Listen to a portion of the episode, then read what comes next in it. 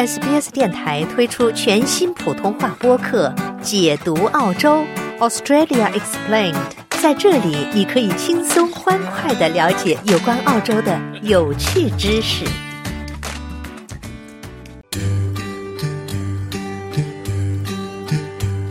在澳洲生活对你意味着什么？是每天清晨新鲜的面包和咖啡香气，是广袤蓝天、金色沙滩、清澈海浪，是与家人共度时光，是感受不同的人生际遇。不不不，它也是是几代人的价值观碰撞。哎呀，妈，你就别管了，是期望和压力的交织。别玩了，回去给考个 C 不不客气。是跨文化的交流与误解。他说那话啥意思？是不是针对我？澳洲生活千滋百味，等你来谈。SBS 全新热线节目《生活相对论》，每周一早上八点二十分播出。生活相对。有趣绝对，听众朋友您好，欢迎您继续收听 SBS 广播中文普通话节目，每周一为您带来的生活相对论听众热线节目，我是刘俊杰，我是雨燕。那么，如果听众朋友们在今天早上一开始就收听我们节目，收听到现在的话，应该知道哈，这是我和雨夜在隔空主持。那么，雨夜在墨尔本，我在悉尼哈。没错，也是跟啊俊杰呢第一次有机会可以在隔空对话，要跟大家在电波中去聊一聊这个有关于搬家的话题。哎呀，我非常开心哈，第一次和雨夜搭档。那么，如果是比方说从悉尼搬到墨尔本，从墨尔本搬到悉尼，今天我们节目中有提到哈，其实是个不小的工作量哈。没错，呃，从城市移居偏远小镇，我们刚才的这个故事中呢，有介介绍到这个主人公尼可哈。他呢，为了买房呢，搬到了更远的地方，并且呢，在那里找到了自己的爱情，并安家落户。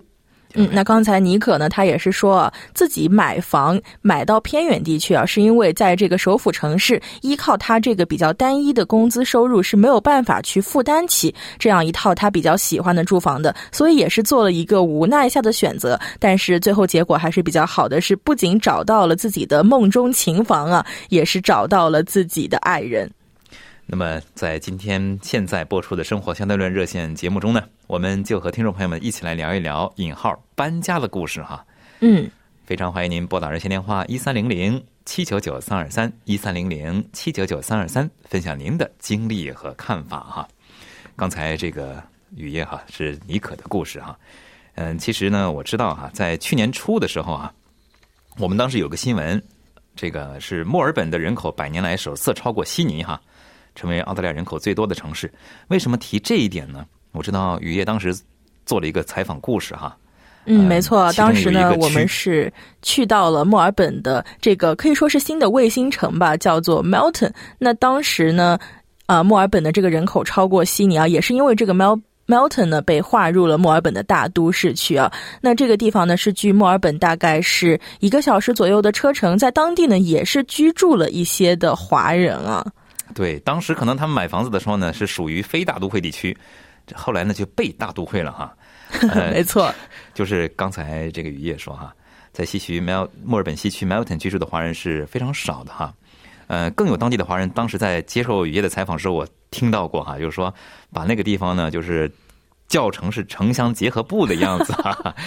嗯，呃，就是我们也切合今天的主题吧，就是也。特别想了解一下当初的这个受访对象哈，为什么会选择居住在 Melton 区呢？呃，我知道在接受本台记者雨夜采访的时候呢，在 Melton 区居住了七年多的陪同，以及在该地区购买二手房的倪妮呢，分享了在该地区购房的原因，我们一起来听一下。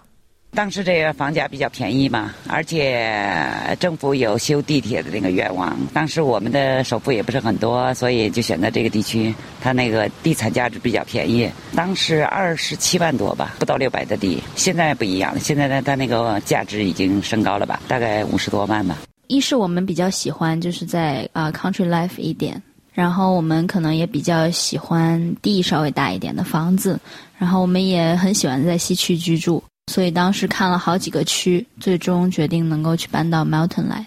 我家地一共是五百三十平方米，然后啊是五十万吧，五十万左右，大概是四室两厅两卫。我觉得很好，尤其是我住的这个地方附近的邻居也都非常的安静，然后他们人也都很好，我们基本上邻里都认识，然后有事情的话也会互相去帮忙。我觉得居住体验还是很不错的。嗯，有一个比较大的一个购物中心，离我们这里开车可能就只有四分钟。然后医院的话，还是有很多 GP 啊什么的在附近。我觉得日常的生活还是很足够的。刚才呢，就是您听到的是本台记者雨夜哈对陪同和妮妮的采访。刚才这个采访我在听第二遍的时候啊，就是 就是剪辑出来的时候是听了第二遍，就是采访妮妮这段，大家如果是听得清楚的话。背后呢，其实是有家里的宠物的声音的。哎，我还听到了鸡叫的声音啊，非常有这个乡村的氛围啊。那刚才他也是分享到，说自己非常喜欢 country life，那就是非常喜欢这个乡村生活啊。从这个背后能够听到听到一些宠物的声音，听到一些鸡叫啊什么，我感觉真的是有一种在澳洲的一种田园生活的感觉了。对，这也是他喜欢的，喜欢在 Melton 居住的原因之一哈。听众朋友，您正在收听的是《生活相对论》热线节目，我们的热线电话依然是一三零零七九九三二三一三零零七九九三二三，非常欢迎您拨打哈，来分享您对搬家的经历和看法哈，就是尤其是您会为了大房子或者是可负担性住房搬离大城市吗？嗯，那俊杰啊，刚才我听到这个采访，我觉得另外一点，他们提到的去搬到这个卫星城 Melton 去居住的原因啊，就是地大便宜。刚才我听到。啊，其中一个受访者应该是陪同吧。他刚才说到自己家的房子是有五百多平，但是这个价格呢，却是在五六十万澳币这样。这样一个价格，可能在墨尔本的一些中心地区啊，在悉尼一些中心地区，这个价格是不可想象的。所以我觉得，如果是想要有一个非常大的这样一个地啊，可以去体验一下这种采菊东篱下，悠然见南山的这样一种澳式田园生活的话呢，我觉得。搬到一些乡村城市、一些乡村的地区去居住，可能也是一个选择吧。我觉得，嗯，其实这段采访我重新听了一遍啊，你里面还采访了多位这个受访对象啊，没错，就提到说这个房价的上涨，当时当时呢，这个呃，从最初买房子，比方说经过几年之后呢，这个房价就翻倍了，哎，升值了，对哈，它可能虽然偏，但是它的升值空间呢是相对来说还是不小的。呃，我们看到哈。呃，其中呢，在网上有这么一个帖子啊，就说多数澳洲人都住在边缘地带吗？是个疑问号哈。这个主题有很多的回应哈，有两百多万条互动的回应。其中这个澳洲人叫 Rick Burgess，他的帖子中他是这么说的哈。他说呢，从大多数人口居住城市的事实来看，很多人都喜欢城市的设施，比如说就业机会啊、公共交通啊、餐馆等等等等。嗯，他还说啊，他自己是曾经在悉尼、墨尔本、珀斯、布里斯班、堪培拉和达尔文这些城市都去生活过。然后呢，他是去搬到了一个地区城市，最后是搬到了一个小镇，可能是越走越偏啊。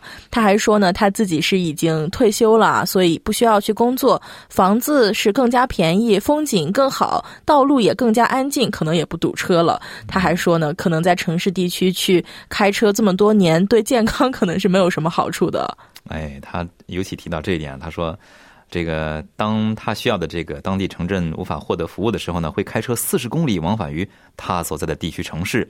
他说呢，这是一个愉快的旅程。在城市里开车的经历呢，都没有这么愉快过。这个对比哈，那可 是这个叫什么来着？车少的路上开多了，到了车多的路上，觉得真的是堵得慌哈。哎，这种乡间小路开起来真的是非常的畅快吧？可以说没有那么多的红绿灯，没有那么多的行人，也没有那么多的可能说是鸣喇叭呀，这些可能是路怒症啊，这些也相对来说会比较少一点。我想这也是为什么这位澳洲人他会选择去从大城市搬到小城市去居住的相关的原因吧。嗯，听众朋友，您正在收听的是《生活相对论》热线节目。呃，您会为了大房子或者可负担性住房办理大城市吗？呃，非常欢迎您继续拨打热线电话一三零零七九九三二三一三零零七九九三二三参与节目，分享您的经历和看法。呃，其实除了刚才我们介绍的这个叫 Rick Burgess 他的个人的这个经历来看的话，还有一些别的一些数据和嗯这个搬家的一些呃状况吧，就是。有一些因素呢，是会吸引这个大城市的人迁居到这个稍微不那么人口密度大的乡镇去哈。比方说以新州和西澳洲为例呢，有一些小镇呢就成了热点哈。呃，这个刚才雨也提到非常低的这个房屋价格，再加上这个不同的，可能这个边远地区有一些工作岗位还是受到支持的，工作岗位可能也不少哈。嗯，没错，特别是一些紧缺的行业，比如说老师或者是护士或者是社工这些行业，现在在偏远地区可能都是一些紧缺的行业，就业来说应该是相对来说比较容易一些吧。嗯，我们看到哈，加上多达八点七万个不同工作岗位，令越来越多的澳洲人呢选择搬到乡镇地区展开新生活。在去年的时候啊，去年应该是年中的时候，一个报道，联邦银行和智库机构澳大利亚偏远地区研究所发布的这个偏远地区搬迁指数哈，显示呢一些不太偏远的小镇哈，就是不加了一个太字哈，不太偏远的小镇，正成为吸引澳大利亚民众移居的热点。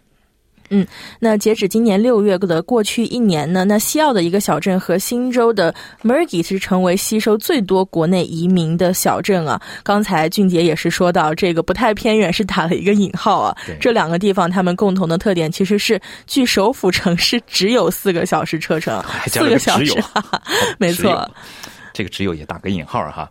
呃，另外呢，还有珀斯以东九十四公里的 York 哈，以南一百一十二公里的叫 Waruna。以及昆州中北部沿岸的汤斯维尔，跻身呢排行榜前五位的这个城市人口乐意去迁居的乡镇哈，呃，而继昆州之后呢，成为最受欢迎的州，那就是多数渔民选择了前往沿海地区。嗯。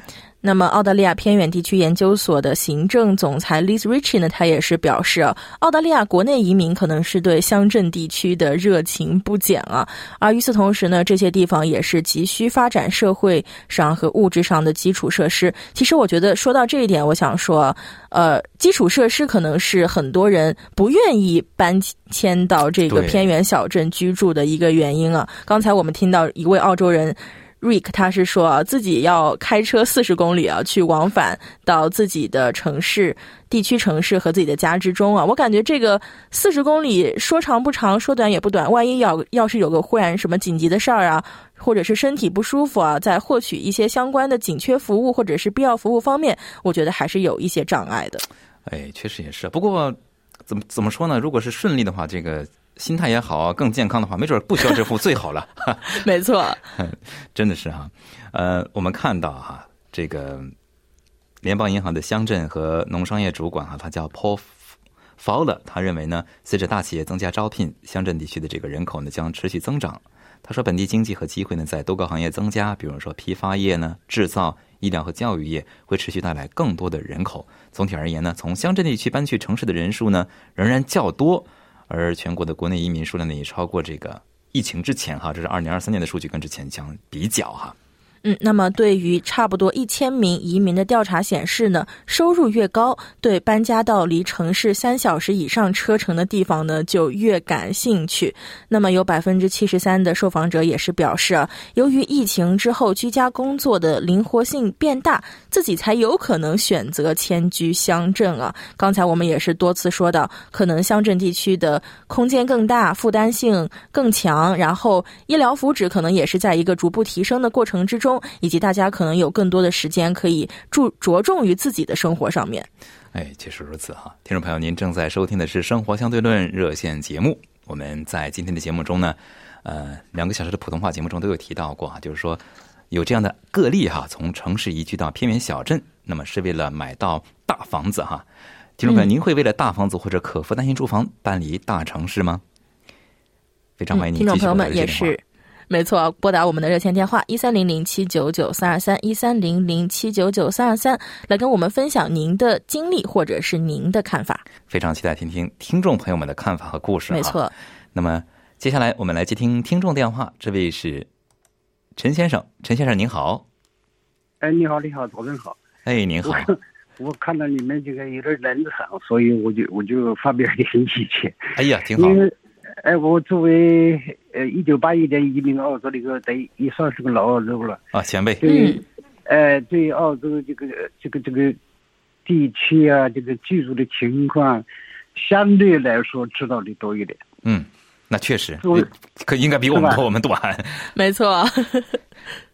这个这个买房，这个作为一个大的这个固定资产的这个职业的话，跟个人的这个呃工作的能力啊，这个这个挣钱的能力啊，关系是很直接的。就是你有你有多大的能力，只能办多大的事儿，嗯，是吧？你不可能。呃，他们有一句老话说，住在澳呃住在雪梨啊，你要想住到一个 dreamy home，你可能这一辈子需要搬六次家。嗯，六次加，六次加，但这个不是绝对了，就是可能一般的人叫做什么大大数据概率概率普遍的可能一个概率。嗯这个地区呃阶级分化还是很严重的。那那那些呃歌星、明星、体育明星什么外国电台的主持人，他年薪都是四五百万，你说他们会住哪里？对吧？嗯我我接触的很多，呃，他们那些什么什么病病例啊，什么的，说实话都是他们买啊。他就是一个房子在街街上跑啊，五六十万，嗯对吧？那个就是他那些超级富豪的，然后一般的中产阶级啊，年薪什么像现在的话，二十万以上可能才有个什么两百万的资产，你可能才能算的中产阶级。反正是有有多大能力就办多大能力的事儿哈哎。没错。你要跟着这个市场的节奏走，一步步走。你要首先要进入这个市场，跟着它走。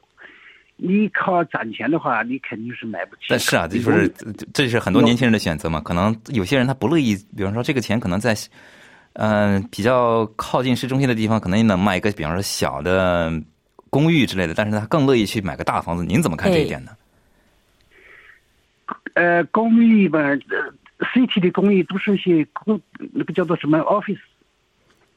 年轻人啊，喜欢那种城市的气氛啊，哎，白领了热闹啊一些的，哎，他喜欢热闹，他他他年租上市租，他也在那里，然后熟悉了以后，他就会在就就买在那里，多数人都是这样，多数人都这样。他在那里工作啊，然后时间长了，你叫他到别地方他不习惯，他、嗯他就买在这在这里住了。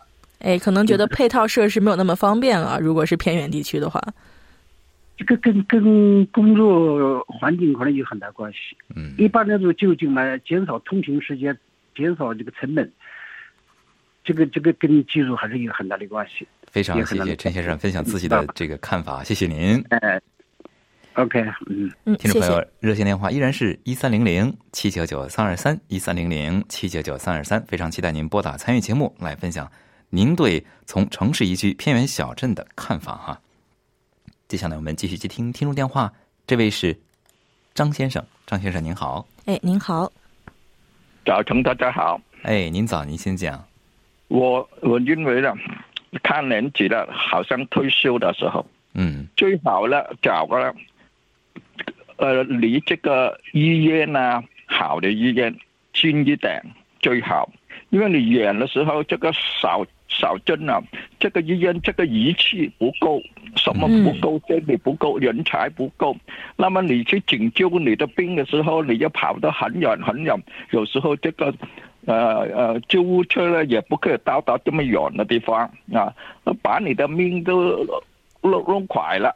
嗯，有的时候小镇的这些医疗的配套设施啊，可能还是比不上大城市啊。有些偏远地区可能是需要有一个直升机啊，去把啊、这个病患去接到大城市去医治，这个中途花的一些时间，可能就是一些很大的时间成本了。